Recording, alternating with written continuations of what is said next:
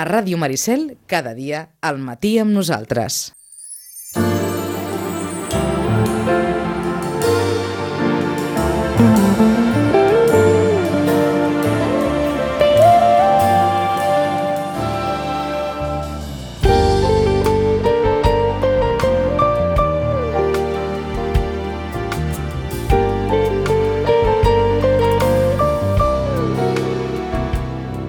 L'Hora d'Europa, que doncs, és aquest espai mensual que tenim aquí a la ràdio per reflexionar i per parlar de temes eh, europeus, molt centrats eh, doncs, des de fa un parell de mesos, em sembla, a tot el que té relació amb aquesta crisi, amb aquesta guerra a, a Ucraïna. Mm, Joaquim Millan, bon dia. Molt bon dia. Des d'Eurolocal, que com sempre dona suport en, aquesta, en aquest espai, mm, centrats en Ucraïna i en més coses o amb Ucraïna i prou?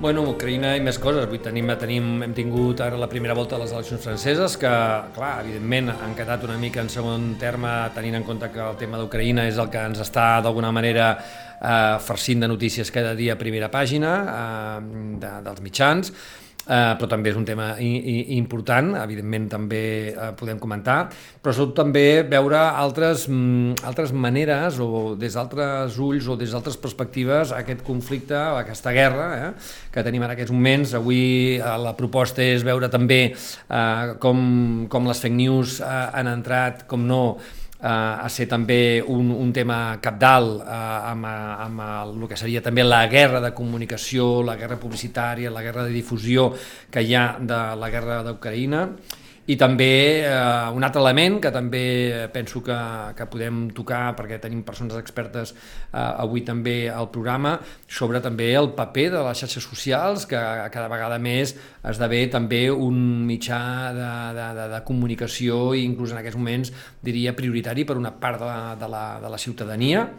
I després també eh, tocarem una mica amb, amb una, una amiga politòloga, la, la Raquel Arciolo, eh, el, també una manera de, de, del per què, no? Vull dir, ara estem molt parlant de la guerra en si, però perquè s'ha produït els, els veritables eh, mm, eh, arguments eh, d'uns i dels altres per arribar a un punt que sembla que sigui sense retorn, quan hi haurà la pau, eh, quan està previst, si és que hi haurà pau i quan, quan es pot plantejar. Penso que són també temes que en aquests moments també ens preocupen. Tots al final el que volem és la, el final, però clar, al final a quin preu, eh, i quan tothom estarà disposat amb espars a arribar a un acord i quin cost tindrà aquest acord per ells i també per la resta, no? perquè evidentment com tots ja podem estar veient des de fa, des de fa dies, de fet hi havia un article que deia mm, des del dia 24 quan es va produir el, el, la invasió diu des d'avui comencem a pagar una guerra i per tant comencem a ser més, eh, menys rics o més pobres, no? perquè evidentment hi ha uns costos que al final els acabem eh, pagant eh, tots, si més no els econòmics, no? Uh mhm. -huh. que, que aquest és un tema que també hem de ser conscients que això és així. Doncs eh, a partir d'aquestes premisses, que no sé si ens donarà temps de desenvolupar-les totes en una hora, però, però ho intentarem. D'entrada saludem a, a la Susana Pérez, Susana Pérez, que és periodista, que és doctora en comunicació digital per la Universitat Ramon Llull i que investiga la transformació del periodisme en l'era digital que és una cosa que, que, que està molt bé mm, per, per tractar de, de parlar de dues qüestions que, que ha esmentat eh, el, el Joaquim, ara, ara al començar el programa. Susana, bon dia, que no t'ho he dit. Hola, bon dia, moltes gràcies. Um, la, pri la primera, el tema de les fake news, la segona, el, el seguiment de la guerra a través de les xarxes. Um, anava a dir, hi ha molta fake news. Eh, la, la, la guerra és una màquina de destrucció de la veritat. Totes les guerres ho han estat. Uh, en l'era digital també passa això. Totalment. Uh -huh. Sí, sí, estem veient no, com la desinformació i la propaganda són part d'aquest conflicte i estem veient també com la guerra no només es juga en un terreny físic, no, amb tancs i vaixells, etc etc, sinó també hi ha una guerra a internet, hi ha una guerra que és totalment digital. Aleshores, coses a apuntar aquí, jo diria que això de les fake news no és un fenomen nou, no? és una cosa que ha passat sempre i la propaganda ha existit en tots els conflictes bèl·lics al llarg de la història, d'acord? Eh, ens estem trobant doncs, això que, per exemple, avui mateix no? Putin està dient que l'atac a Butxa no ha estat per part de, eh, de Rússia, sinó que ha estat una cosa organitzada i orquestrada pels mateixos ucranians per desprestigiar el paper eh, de, Rússia, de Rússia. Doncs això seria eh, una fake news i seria també propaganda. Què és el que... És a dir, la, la, la fake news és el que diu Putin, no que Putin ho hagi dit. Putin ho ha dit... Ah, efectivament. Passa... Ah. O sigui, Putin el que està intentant no és dir eh, que els ucraïnesos estan fent, escenificant totes aquestes matances tan uh mhm. -huh. greus contra la població civil perquè el que vol és això, que la, dins de la comunitat internacional no estigui tan desprestigiat eh, com ja està. Uh -huh. D'acord? Jo el que crec que és important també aquí assenyalar, d'acord, és que estàvem molt preocupats i hem estat molt preocupats per aquestes fake news, perquè hem vist que en altres processos electorals han tingut molta incidència, per exemple el Brexit, no? van jugar un paper significatiu, un altre moment importantíssim de les xarxes socials i aquestes notícies falses va ser amb l'elecció de, del Trump, uh -huh. el 2016. Recordem que en allà van circular notícies falses com, per exemple, que el papa eh, recolzava la candidatura, aleshores candidatura de Donald Trump, d'acord? I va haver també la finalització de la legislatura de Donald Trump amb tots aquests morts al Capitoli, uh -huh. d'acord? Ell havia propagat desinformació a través de les xarxes socials dient que tot el vot per correu postal mm, estava manipulat, manipulat uh -huh. d'acord? I això va acabar amb morts, o sigui, realment tenim el titular de que la desinformació mata, però no com una cosa eh, metafòrica, sinó com una cosa literal. Això ha fet que ens posem molt, molt les piles, tots, tothom, entre altres... M'agradaria destacar tres actors claus. Entre altres actors, diríem, d'una banda les xarxes socials, les uh -huh. plataformes tecnològiques, que si vols ara podem entrar com estan intentant frenar aquesta desinformació. De l'altra, la Unió Europea, la mateixa Unió Europea està posant finançant, o sigui, plataformes de verificació per tal que mm, ajudin a frenar eh, aquesta desinformació. I, en tercer lloc, jo també vull pensar que hi ha un paper no, de que nosaltres també com a ciutadans potser comencem a ser una mica més escèptics i entenem que no tot el que surt a les xarxes socials és veritat, igual que no tot el que surt a la tele és veritat, no tot el que circula a xarxes és veritat. Tot i que això ho podrem, ho podrem desenvolupar, també és veritat que probablement mmm, tothom està disposat a creure en allò que creu. I aleshores, Totalment. I aleshores això eh, és un factor moltes vegades també de distorsió a l'hora d'avaluar de, doncs, la fiabilitat de les fonts que, que ens arriben. Abans de, de, de continuar desenvolupant això, que és interessant, que ens ha deixat sobre la taula la, la Susana, saludem, eh, en aquest cas per via telefònica, la Rachele Ar eh, Arquiulo. Rachele, bon dia. Hola, bon dia. Uh, la Rachele, que és uh, politòloga experta en processos de resolució de conflictes i manteniment de la pau, també uh, és uh, membre de VOL, uh, un moviment polític paneuropeu, pragmàtic i progressista. Um, Raquel, eh, ja, ja et vam tenir fa, fa temps aquí a, aquí a l'Hora d'Europa, però ara mm, probablement necessitem, diguem, la teva vessant d'experta de, en processos de resolució de conflictes perquè ens diguis, a veure, d'on neix aquest conflicte i com es pot resoldre? I em sembla que això no és fàcil de respondre amb, amb una resposta, oi? Efectivamente.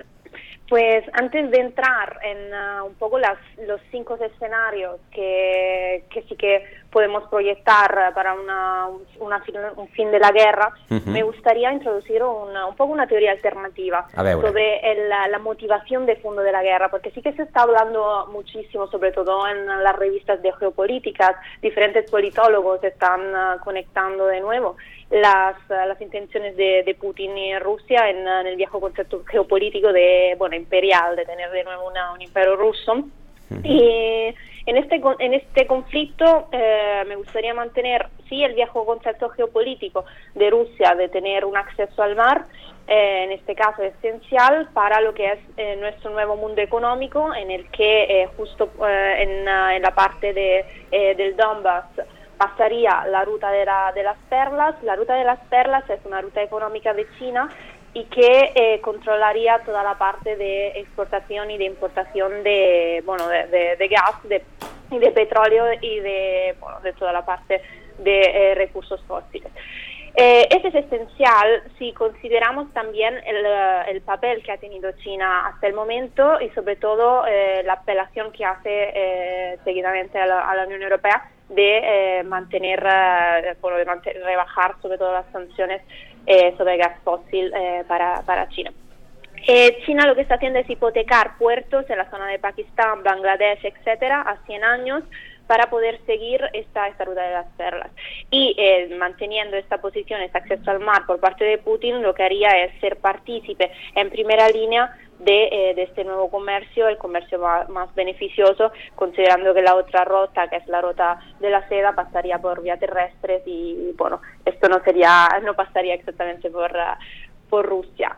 Pero um, bueno, aparte de la motivación final, que no deja de ser económica y claramente geopolítica, las, uh, las, cinco, las cinco posibles escenarios que, que yo veo son un primer acuerdo de paz que claramente sería eh, bueno el, el, el escenario eh, más propenso eh, y en este caso sí que vería eh, que mantendría un poco la, la narrativa de que, que, que, ha estado utilizando Putin, o sea, la, la narrativa de la motivación de la guerra, que es desnazificar Ucrania y hemos visto como el uh, presidente Zelensky sí que en la primera fase del acuerdo de paz y sigue manteniendo la posibilidad de cambiar, por ejemplo, los nombres de las calles que han, eh, que han sido eh, hasta el momento el nombre de eh, héroes de la Segunda Guerra Mundial, héroes nazistas, etcétera. Entonces esto sí que podría ser un punto de contacto y sigue siéndolo,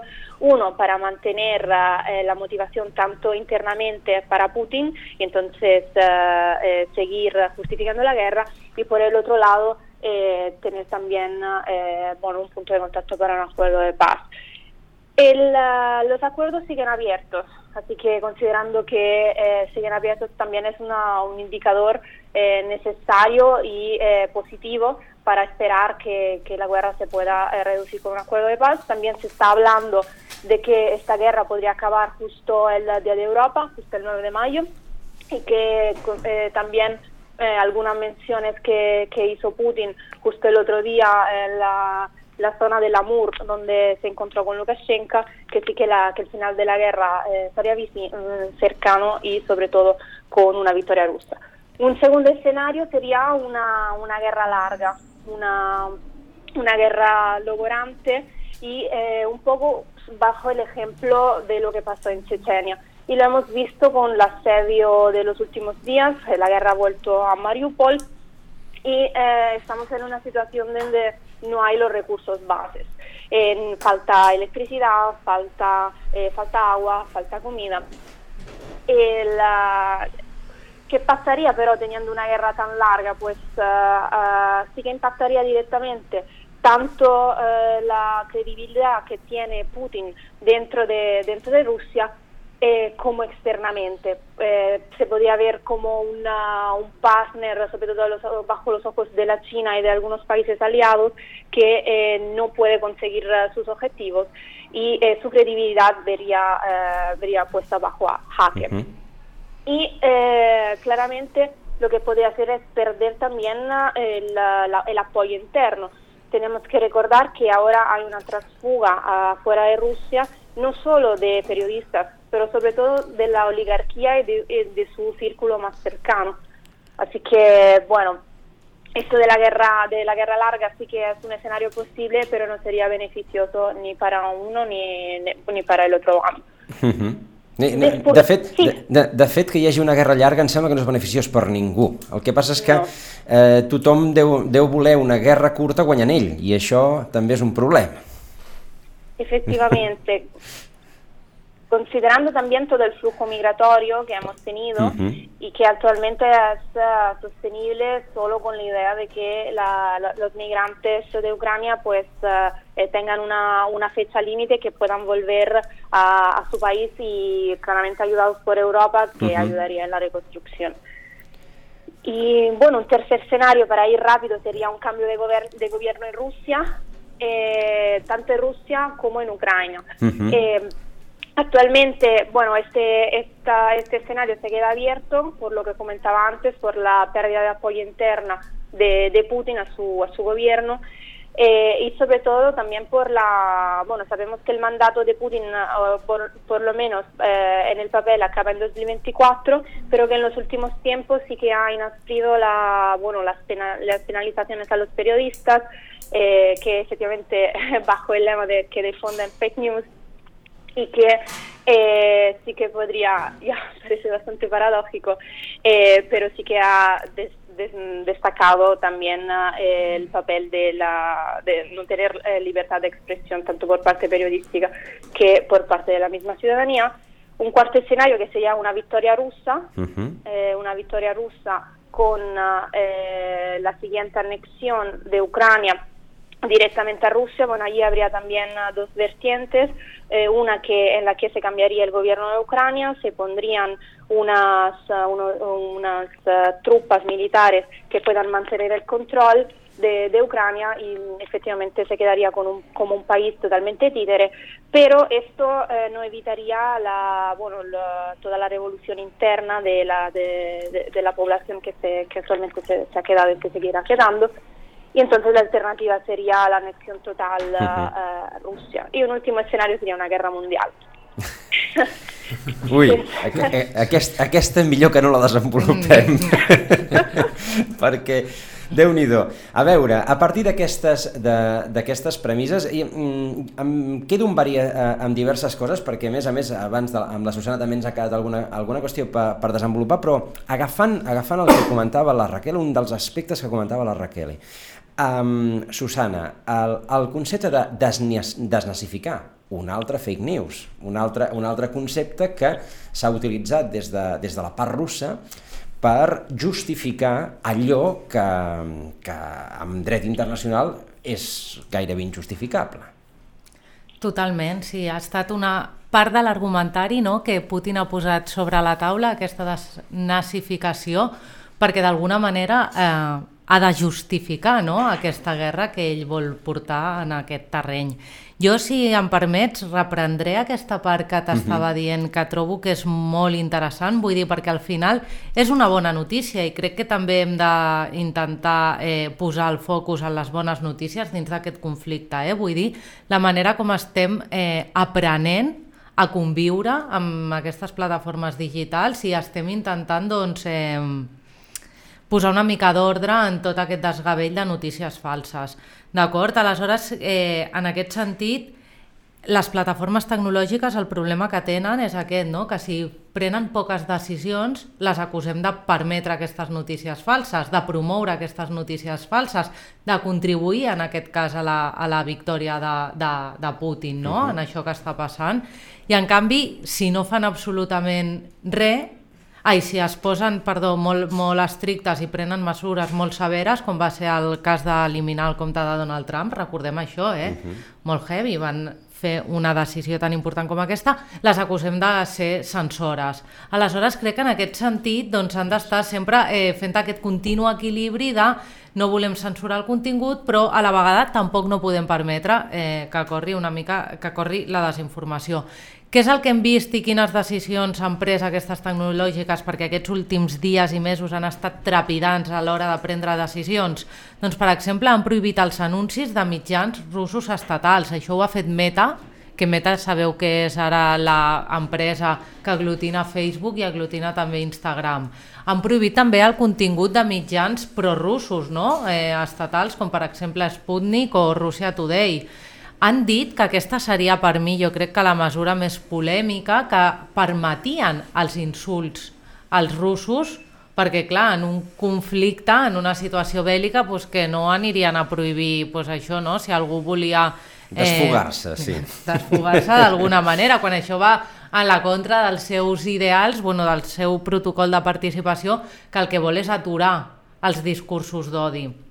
D'acord? Per tant, estem veient, doncs, eh, ja et dic, moviments per aquesta part. La Unió Europea també, que abans ho comentàvem amb el Quim, jo he estat durant un temps responsable de, de formació de verificat, que és el fact-checking que tenim aquí a Catalunya, el fact-checker, la plataforma de verificació, que està mm, reconeguda per l'International Fact-Checking, igual que ho està neutral a nivell estatal, o eh, Maldito Bulo. Doncs, per exemple, la Unió Europea ha volgut doncs, eh, contribuir també a que aquestes plataformes poguessin combatre la desinformació, d'acord? I jo crec que això, que hi ha més ulls, més persones, més eh, plataformes que mai vigilant doncs una mica què és, què és el que s'està coent en aquest terreny. I també això ha frenat, en part, aquesta desinformació. Per tant, la meva mirada en aquest sentit és positiva, tot i que, com dèiem al principi, no hem d'oblidar, la desinformació mmm, no és nova i eh, passa ara, eh, continuarà passant en el futur i va passar en el passat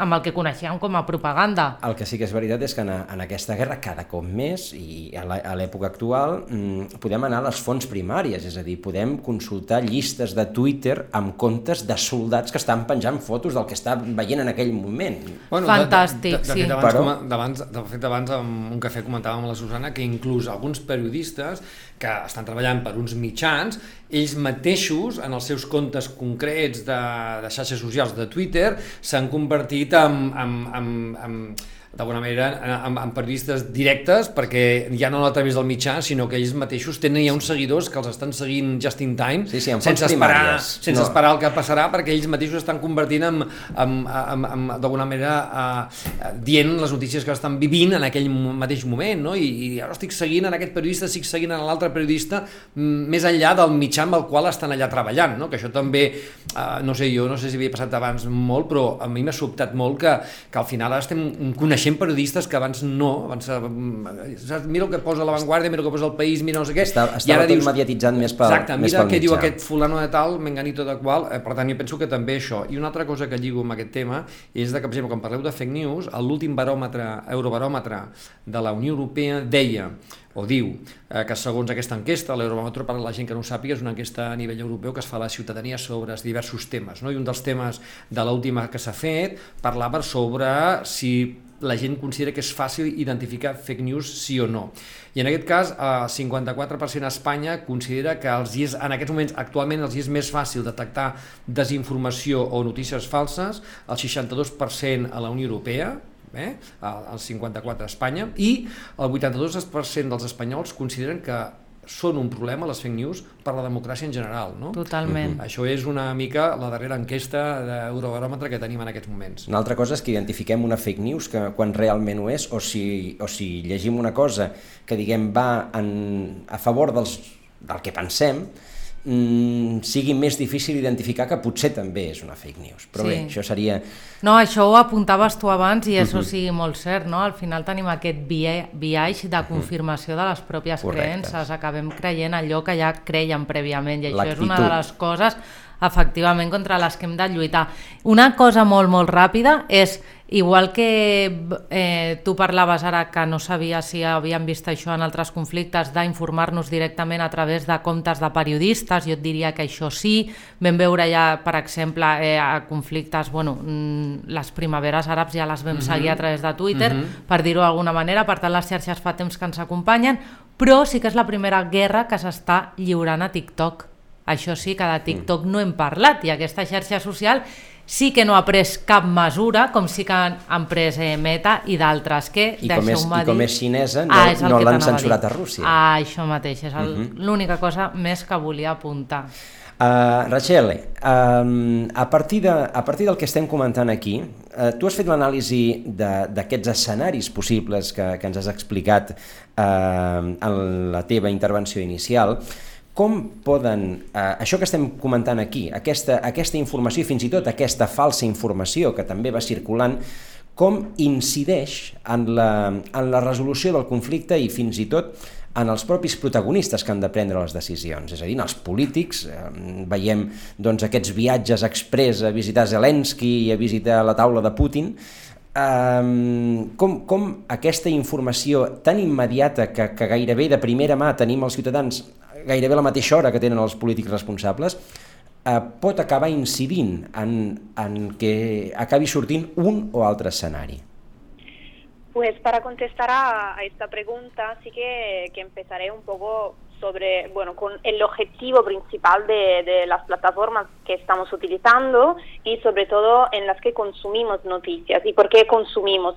Porque esta plata, estas plataformas que son uh, como Twitter o Facebook no dejan de utilizar un algoritmo que busca un beneficio. Son plataformas económicas impuestas con un algoritmo en, de un mundo económico. No tenemos actualmente una, un algoritmo ético, cosa que se está intentando hacer eh, con uh, el, plan uh, seis objetivos de Ursula von der Leyen, que además uh, está siendo coordinado por Francesca Bria que eh, justo participó también y fue la, la directora del, del, proyecto de Barcelona Smart Cities, por esto, por esto la, la, lo comento.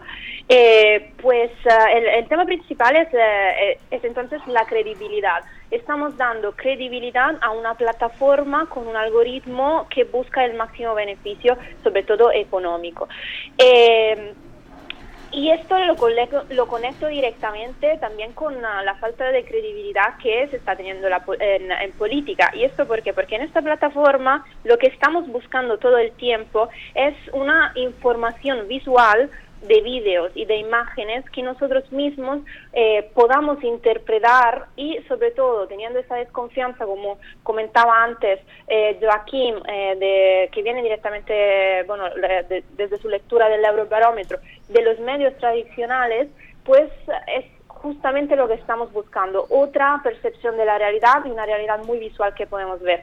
Y esto hace que tanto por parte de los políticos europeos como de Zelensky como de, Rusia, pues esté buscando pues la historia más creíble y la historia más emotiva a nivel, a nivel visual. Eh, hemos visto la participación de Zelensky en diferentes parlamentos, a, aquí en, en, el Congreso en España apelando directamente a Guernica. Eh, hemos visto estos parámetros muy visuales de Zelensky vestido uh, de, de paisano todo el tiempo durante la guerra. Lo mismo hizo Roberta Metzola en, uh, en su primera visita a, Kiev. Justo con una indumentaria que sí que llamaba a un contexto de guerra.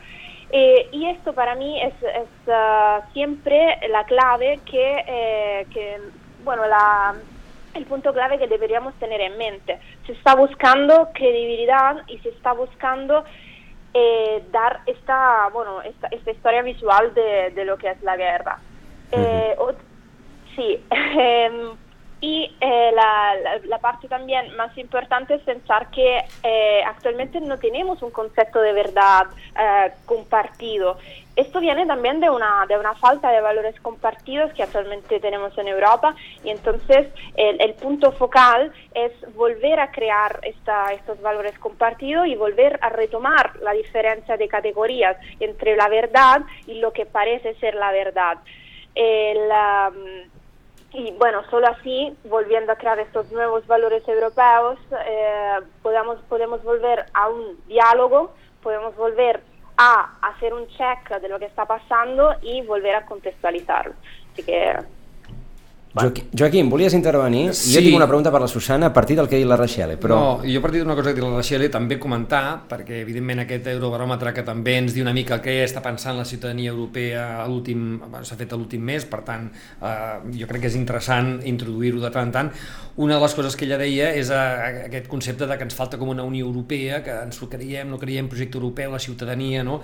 I aquí una de les preguntes que es feia, que es anava sobre l'impacte de la invasió de Rússia a Ucrania, deia deia la majoria de ciutadans eh, espanyols estan a favor d'una política comú exterior i de seguretat i defensa, el 81% pensa que Europa hauria de ser molt més forta en política exterior i prendre decisions eh, com a Unió Europea, no tant eh, com a 27 estats, un, un rere l'altre, ben què fem, deixem de fer, sinó que la Unió Europea en aquest aspecte hauria de tindre, un 81% pensa que hauria de tindre eh, una política comuna exterior i defensa clara i contundent eh, amb aquest conflicte en qualsevol la pregunta era sobre aquest conflicte i eh, també ens parla eh, de que a nivell europeu el 83% de la ciutadania considera que també hauria de tindre una política energètica comú i una política comú de migració.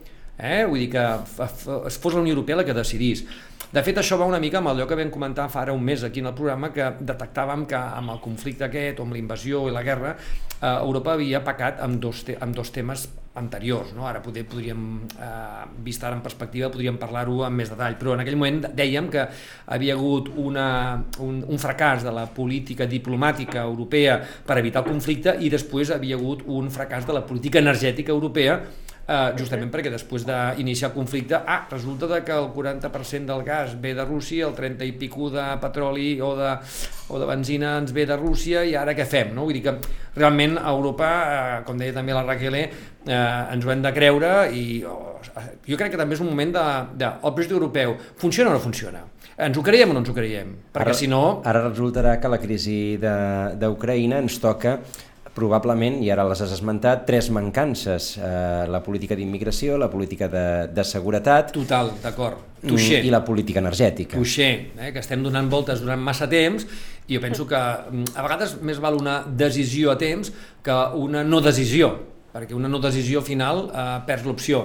A una mala decisió, doncs, bueno, escolta, mira, al final almenys vas jugar al partit que en diem, no? El que no pot ser és que al final la foto que ens queda és la de fa uns dies que va vindre el senyor Joe Biden aquí a posar ordre i, escolta, ha vingut el president americà, doncs ara estem tots reunits, a veure què ens diu, a veure què farem, què deixen de fer. Escoltem, eh, jo crec que amb aquest conflicte ens l'hem de començar a resoldre nosaltres, no I, hem d'esperar que vingui als Estats Units. I eh? mentre Zelensky es permet fins i tot de dir-li al president alemany, mira, no vinguis. Bueno, és que eh, un dels problemes energètics que tenim ha sigut el que Alemanya m'hem donat, motor d'Europa, però també en aquest cas va prendre una decisió energètica, mm, en aquell moment eh, se suposava que geoestratègica que hem vist que ha sigut una, un, una cagada, parlant clar, eh, de confiar-ho tot molt eh, al pacte amb Rússia. No? I de, de fet ja veiem també que en algun cas eh, el seu expresident després va ser vicepresident d'una empresa també eh, de, de, de gas eh, russa, en fi, que les portes giratòries també també no només estan en aquest país, sinó també en altres països i a nivell europeu. Mm. I per tant aquí també penso que hem pecat eh, de, de, diguéssim, de no haver tingut una, una política exterior, exterior energètica d'immigració clara i contundent des de fa ja temps, no? Uh -huh. I ara ens en trobem un compte que, que ara què fem, no? Uh, Susana, la, la Rachel ha dit una, una frase que a mi m'ha cridat molt l'atenció i, que, i que probablement mm, podria donar, donar per, fins i tot per un debat no tots tenim eh, el mateix concepte de veritat. No tenim una, un concepte de veritat compartida, em sembla que ha dit. Mm, això també afecta, probablement, a la nostra visió de la realitat i a la possibilitat de trobar consensos en aquesta realitat. Totalment d'acord.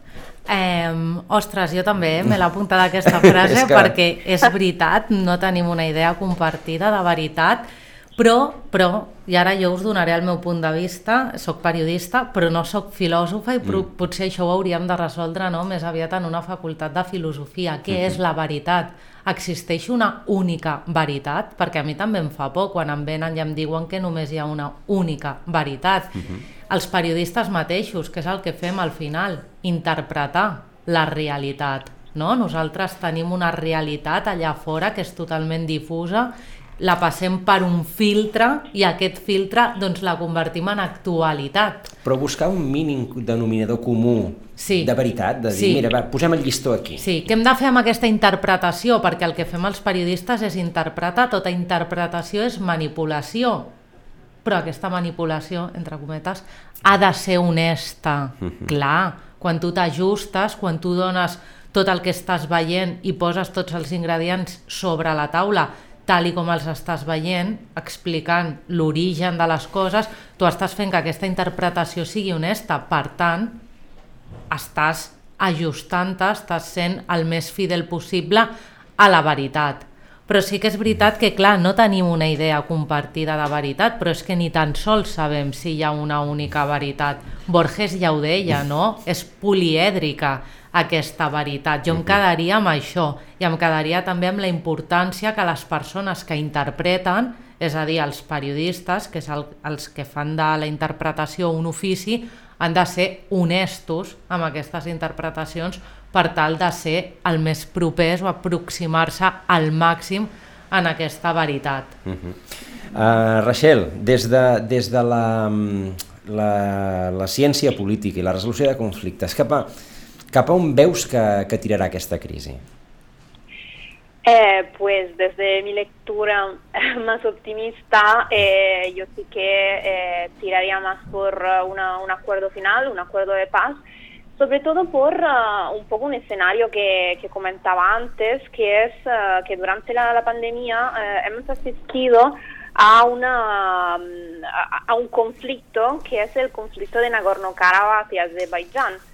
Nagorno-Karabakh es, para la, las personas que nos estáis escuchando, es, una, es un territorio independiente eh, entre Armenia y Azerbaiyán tenemos que, que, recordarnos que Azerbaiyán también es parte del Consejo, bueno, del, del Consejo de Europa. Entonces, ¿qué pasó mientras toda Europa y todo el mundo estaba en lockdown? Pues ha habido ataques directos a civiles y a, y a, las ciudades de Nagorno-Karabakh y en el acuerdo de paz de una guerra lampo dura, que, ha, bueno, que ha durado eh, una semana y medio, pues uh, con este acuerdo de paz delante de la comunidad internacional se ha conseguido eh, poder quedarse con todos ter los territorios conquistados y bombardeados. Entonces, eh, Azerbaiyán se quedó con hasta la mitad del territorio, hasta la capital, y esto se ha conseguido en el acuerdo de paz. Eh, yo sigo pensando que eh, la, la, gran victoria de Putin puede ser todavía el, el, acuerdo de paz, quedarse con el área del, del Donbass y del Luhansk, eh, y sobre todo eh, mantener la, la, neutralidad, la neutralidad de Ucrania, una, una, neutralidad que es bastante diferente de la de Austria y la de Suecia, que, que sí efectivamente lo tienen en constitución, pero sería una, una neutralidad eh, bajo acuerdo y sobre todo eh, mantendría control directo en uno de lo que es, uh, bueno, control geopolítico directo en lo que es la, una de las uh, puertas de, de, Europa. Esto sí, eh, manteniendo también, uh, siguiendo manteniendo mm, en manteniendo la narrativa interna dentro de Rusia, que efectivamente era una guerra de desnatificación y sobre todo la segunda narrativa que está utilizando en los últimos tiempos, eh, que es eh, el ataque eh, y el genocidio de, de, los rusos en, en zonas de Ucrania. Uh -huh. Así que, bueno, yo tiraría por la parte del acuerdo. Uh, per la part, la, la part de l'acord. El que passa és que mirat, mirat així des de fora i des, des de molt lluny, mirat des de molt lluny, així amb un cert pragmatisme, potser, potser per aconseguir això, quan ja tenia part del Donbass conquerit i, i Crimea anaccionada i, i l'amenaça sobre Ucraïna, no sé si valia la pena mm, llançar-se en una guerra. Mm, per aconseguir objectius que més o menys ja tenia complerts quan, quan la va començar. Eh, bueno, sí, efectivamente, depende un poco, eh, tenemos que pensar también cuáles son las reacciones. Eh, esta, esta guerra está abierta desde, bueno, hace tiempo y ha habido su culmine en 2014, cuando sí, sí que ha culminado y se ha quedado bastante estable en un conflicto permanente.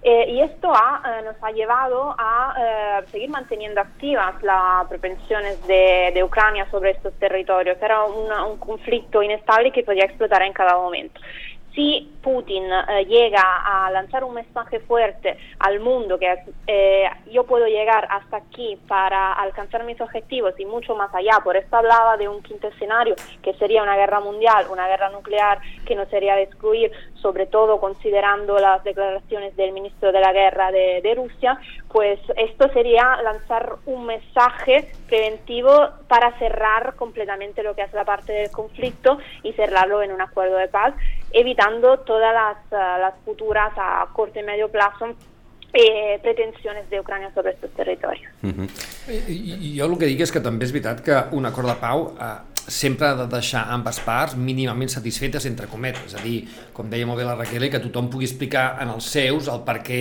està acceptant un acord de pau, perquè tots ara estan dient altres coses. I, eh, per exemple, ara, en un moment donat, inclús a nivell internacional, no? que portarem el Putin per el tema de crims de guerra. Llavors, bueno, arribarà un acord de pau que, entre altres coses, inclourà que tots aquests crims de guerra els deixem eh, a dintre un calaix, com moltes vegades ha passat a la història, no és la primera vegada que passa. Llavors, esclar, també ens estan explicant una sèrie de coses a la ciutadania, i a ciutadania en aquest cas internacional, de que farem, deixarem de fer, i després un acord de pau, tots sabem que us hauran de cedir coses perquè si no, pau, pau, pau, no hi haurà. I després una altra cosa que a mi, per mi també per mi és in, in, important, i és de que eh, tots parlem dels arguments del senyor Putin eh, per iniciar la guerra, per mantenir la guerra, els arguments, però ningú parla de realment, perquè suposo que molt poca gent sap, realment quins són els objectius, quin és l'objectiu final del senyor Putin amb aquesta eh, operació militar, que en diem nosaltres guerra perquè és, és tal qual, i ell parla d'una altra cosa, mm. però vull dir, quin, quin, perquè una cosa són els arguments per fer-ho, la justificació interna, inclús internacionalment, que aquí la batalla de la comunicació l'ha guanyat el Zelensky, fins ara, eh? eh? però quins són realment els seus objectius? Perquè, com deia la Raquel ara, bueno, fins ara hagués pogut dir el Donbass, Crimea, amb això en tinc prou, però resulta que no, s'ha estat a punt d'apropar a Kiev i després ha tirat cap enrere, no sabem si perquè algú li ha dit mm, tira per atràs o perquè realment s'estaven replegant perquè no ho tenien tan fàcil. No, no, hi ha coses que no sabem veritablement amb aquestes, suposo, negociacions que dona haver-hi a porta tancada eh, i en altres àmbits, mm, m'imagino que deu haver-hi en paral·lel reunions per intentar bueno, fins a quin punt estem, tu estàs d'acord tu també per arribar a un acord de pau en algun moment donat que s'escenificarà en aquell moment però que deuen haver-hi reunions que s'està preparant amb això, no? No ho sé, vull dir, a mi m'agradaria també saber-ho, no ho la, sabem. La guerra és una batalla de narratives, la pau també serà una batalla de narratives. Correcte. Totalment, sí, sí. Eh, esperem això, que la, que la pau estigui eh, o arribi aviat i que eh, doncs això eh, puguem, puguem explicar-la des d'aquí. Jo el que també us volia dir és que com a mínim aquí a Occident és això, tenim la sort que aquesta pau podrà ser una batalla de narratives, però que a Rússia, en canvi, no tenen aquesta sort i que hi ha una llei molt dura, no? De fet, avui, avui eh, llegint algun diari, em sembla que han condemnat a dos periodistes a penes de dos anys de treballs que es veu que no són treballs forçats, eh? perquè primer vam pensar, els envien a Sibèria, però no, es veu que són dos anys, diguem, com de treballs per la comunitat, per haver gosat eh, criticar eh, a Putin en un diari universitari, una cosa així, és a dir, que, que clar, comencen a caure condemnes, eh, i ara com Rússia ja l'hem expulsada de, de tots els consells de drets humans i això, doncs encara no sabem. Sí, sí. En alguns llocs ells s'han anat abans que els expulséssim, eh? No, doncs això, que aquesta guerra de, de pau i aquesta narrativa del que serà la pau és això, la podrem explicar des d'aquí, esperem, i esperem que però sigui allà... aviat, però allà en canvi no la, podran, no la podran tan sols explicar perquè el senyor Putin és això, tot el que no està sotmès al discurs del règim està totalment censurat i els mhm. periodistes van a la presó, per exemple, per anomenar guerra quan el que s'està lliurant és una guerra, que és el que dèiem abans, no? Potser no tenim una veritat absoluta i al tanto, el que ens vulgui parlar de veritat absoluta, però ens hem d'aproximar de manera honesta als fets i el que ha fet Putin és clarament una guerra i normal que tots mhm. els periodistes occidentals marxessin de Rússia en el moment que Putin diu el que no segueixi el discurs del Kremlin serà condemnat a 15 anys de presó. Uh mhm. -huh. Perquè, Rachel, eh, és, hi ha una cosa que és, eh, que és evident, eh, un cop s'acaba la guerra, mm, sigui quina sigui la solució, eh, tothom haurà guanyat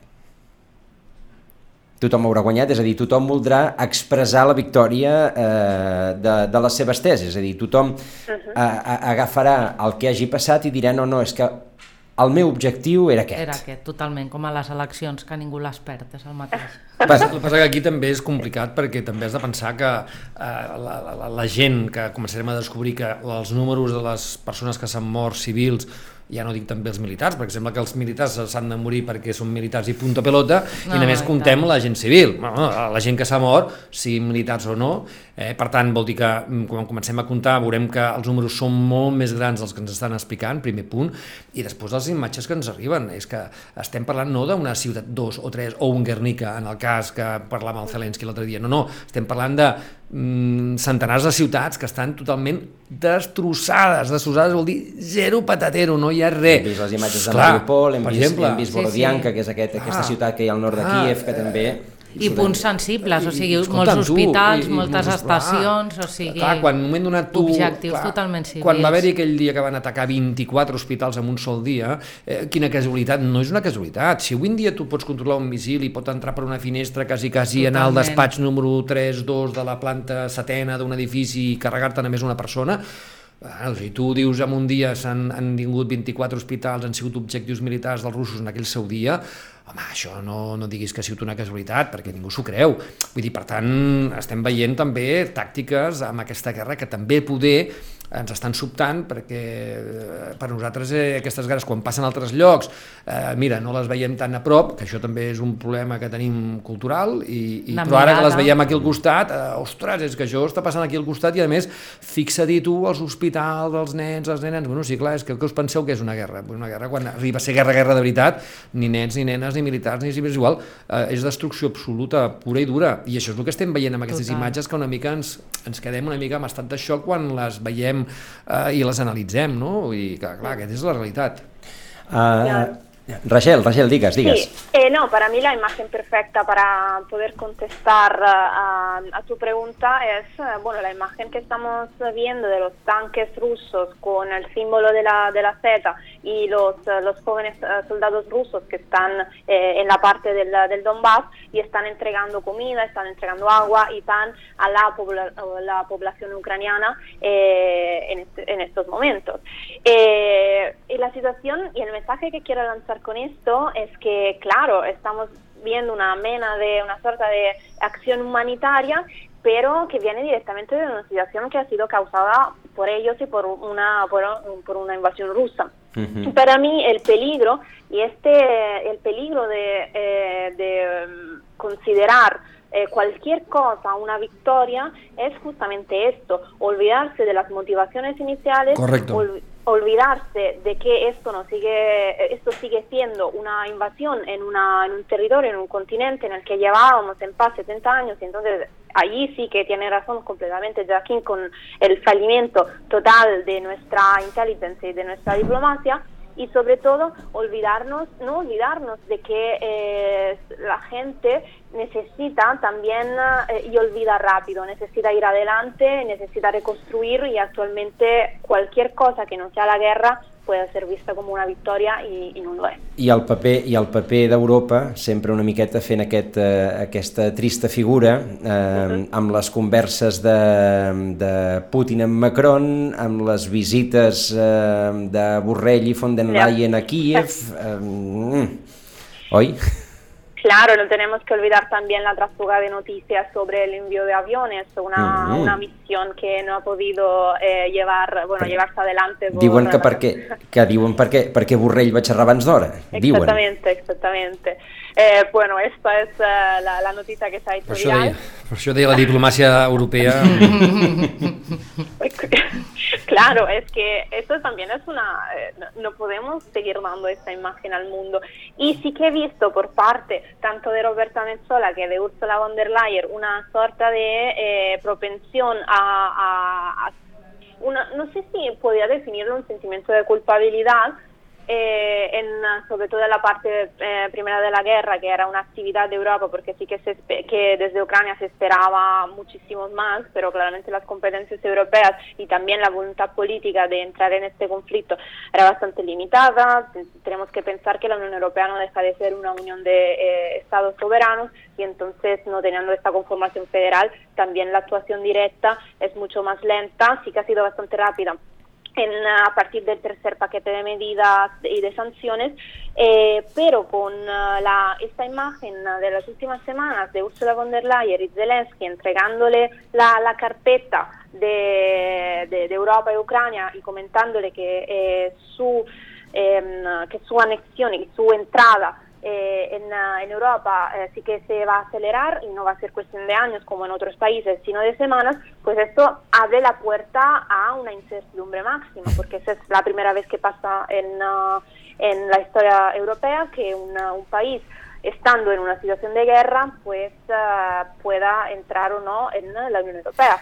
Y claro, eso es también un mensaje y creo que hace parte de lo que es la diplomacia europea, decir que esto ya es es importante y es uh, territorio eh, europeo y ya nos toca de cerca y eh, rompemos completamente con uh, la, la, vieja eh, la geopolítica europea de ayudar desde la distancia. Bueno, y, y, también, como decía Raquel en un momento dado, el, el tema d'un cert, no la sensació com un cert sentit de culpabilitat, no? com deia ell al mm. principi, donava la sensació com que, que això també vol dir quines converses s'han tingut els últims anys eh, amb el govern d'Ucrania, des de la Unió Europea, doncs igual dient tu tranquil, perquè, en fi, nosaltres et defensarem, nosaltres donarem, nosaltres treballarem, treballarem l'adhesió a, a la Unió Europea, també hi ha l'altra porta que era el tema de l'OTAN, etc. i quan ha arribat el conflicte de veritat ens hem trobat una mica ai, ai, ai, ui, ui, i clar, una mica d'un sentit de culpabilitat. A mi em dóna la sensació, eh? és una percepció que tinc, no tinc, no tinc dades concretes, però la percepció de sentit de culpabilitat la identifico igual que la Raquel. El, el que passa claro. és que... Digues, digues, Raquel. No, no, con solo una, una última cosa, es que a mí me parece bastante evidente que esa es una estrategia para evitar el, el euroescepticismo por parte de Ucrania, porque sí que hemos visto en las estadísticas que casi el 80% de la población ucraniana pues sí que eh, estaba favorable en entrar en la Unión Europea y eh, estaba dispuesta a considerarse europea. Y eh, considerando esta primera parte de inactividad, claro, se necesita una medida, aunque sea paliativa, eh, para poder recuperar ese sentimiento europeo y para no acabar como otras situaciones en otros países que en situaciones de crisis han apelado a la ayuda, a la ayuda europea y eh, por falta de competencias uh, directas de la Unión Europea en, en, estos sectores, pues no ha podido ser y esto no ha hecho más que alejar esta ciudadanía, esta población de, del sentiment europeista. Però, però una vegada més, em sembla, i ho vaig tancant aquí, en la Unió Europea, anava a dir, ha, ha mostrat de nou una certa imatge d'improvisació, de no tenir un pla i de, i de, bueno, i que ara, va, doncs que entrin els ucraïnesos. O sigui, un, un punt un punt que és difícil, que és difícil de, de pair. I al final, doncs tot, i el que comentàvem amb la Susana, tot seran narratives també. Totalment. tot seran tot seran narratives. Escolta, um, Joaquim, um, ho deixem aquí, si et sembla? Em sembla perfecte, perquè com que tindrem tema per pel mes que ve, pues, eh, de moment hem fet una bona feina explicant tot aquest tema, especialment introduint tot això de les fake news, les xarxes socials, les cinc teories de possible sortida de la pau, que és, ens hem de quedar amb això, que tindrem pau i per tant eh, veurem quina de les cinc eh, teories de la Raquel guanya o si n'hi ha una sisena. Mentre tinguem narratives per explicar-ho, benvinguda sigui la pau. Raquel Herculo, moltíssimes gràcies per, a, per aquesta estoneta. A vosaltres. I Susana eh, Pérez també, moltes gràcies per, a, doncs, per això, per haver intentat posar llum sobre la qüestió també de les fake news. A vosaltres, gràcies. Joaquim, fins al mes que ve. Fins al mes que ve.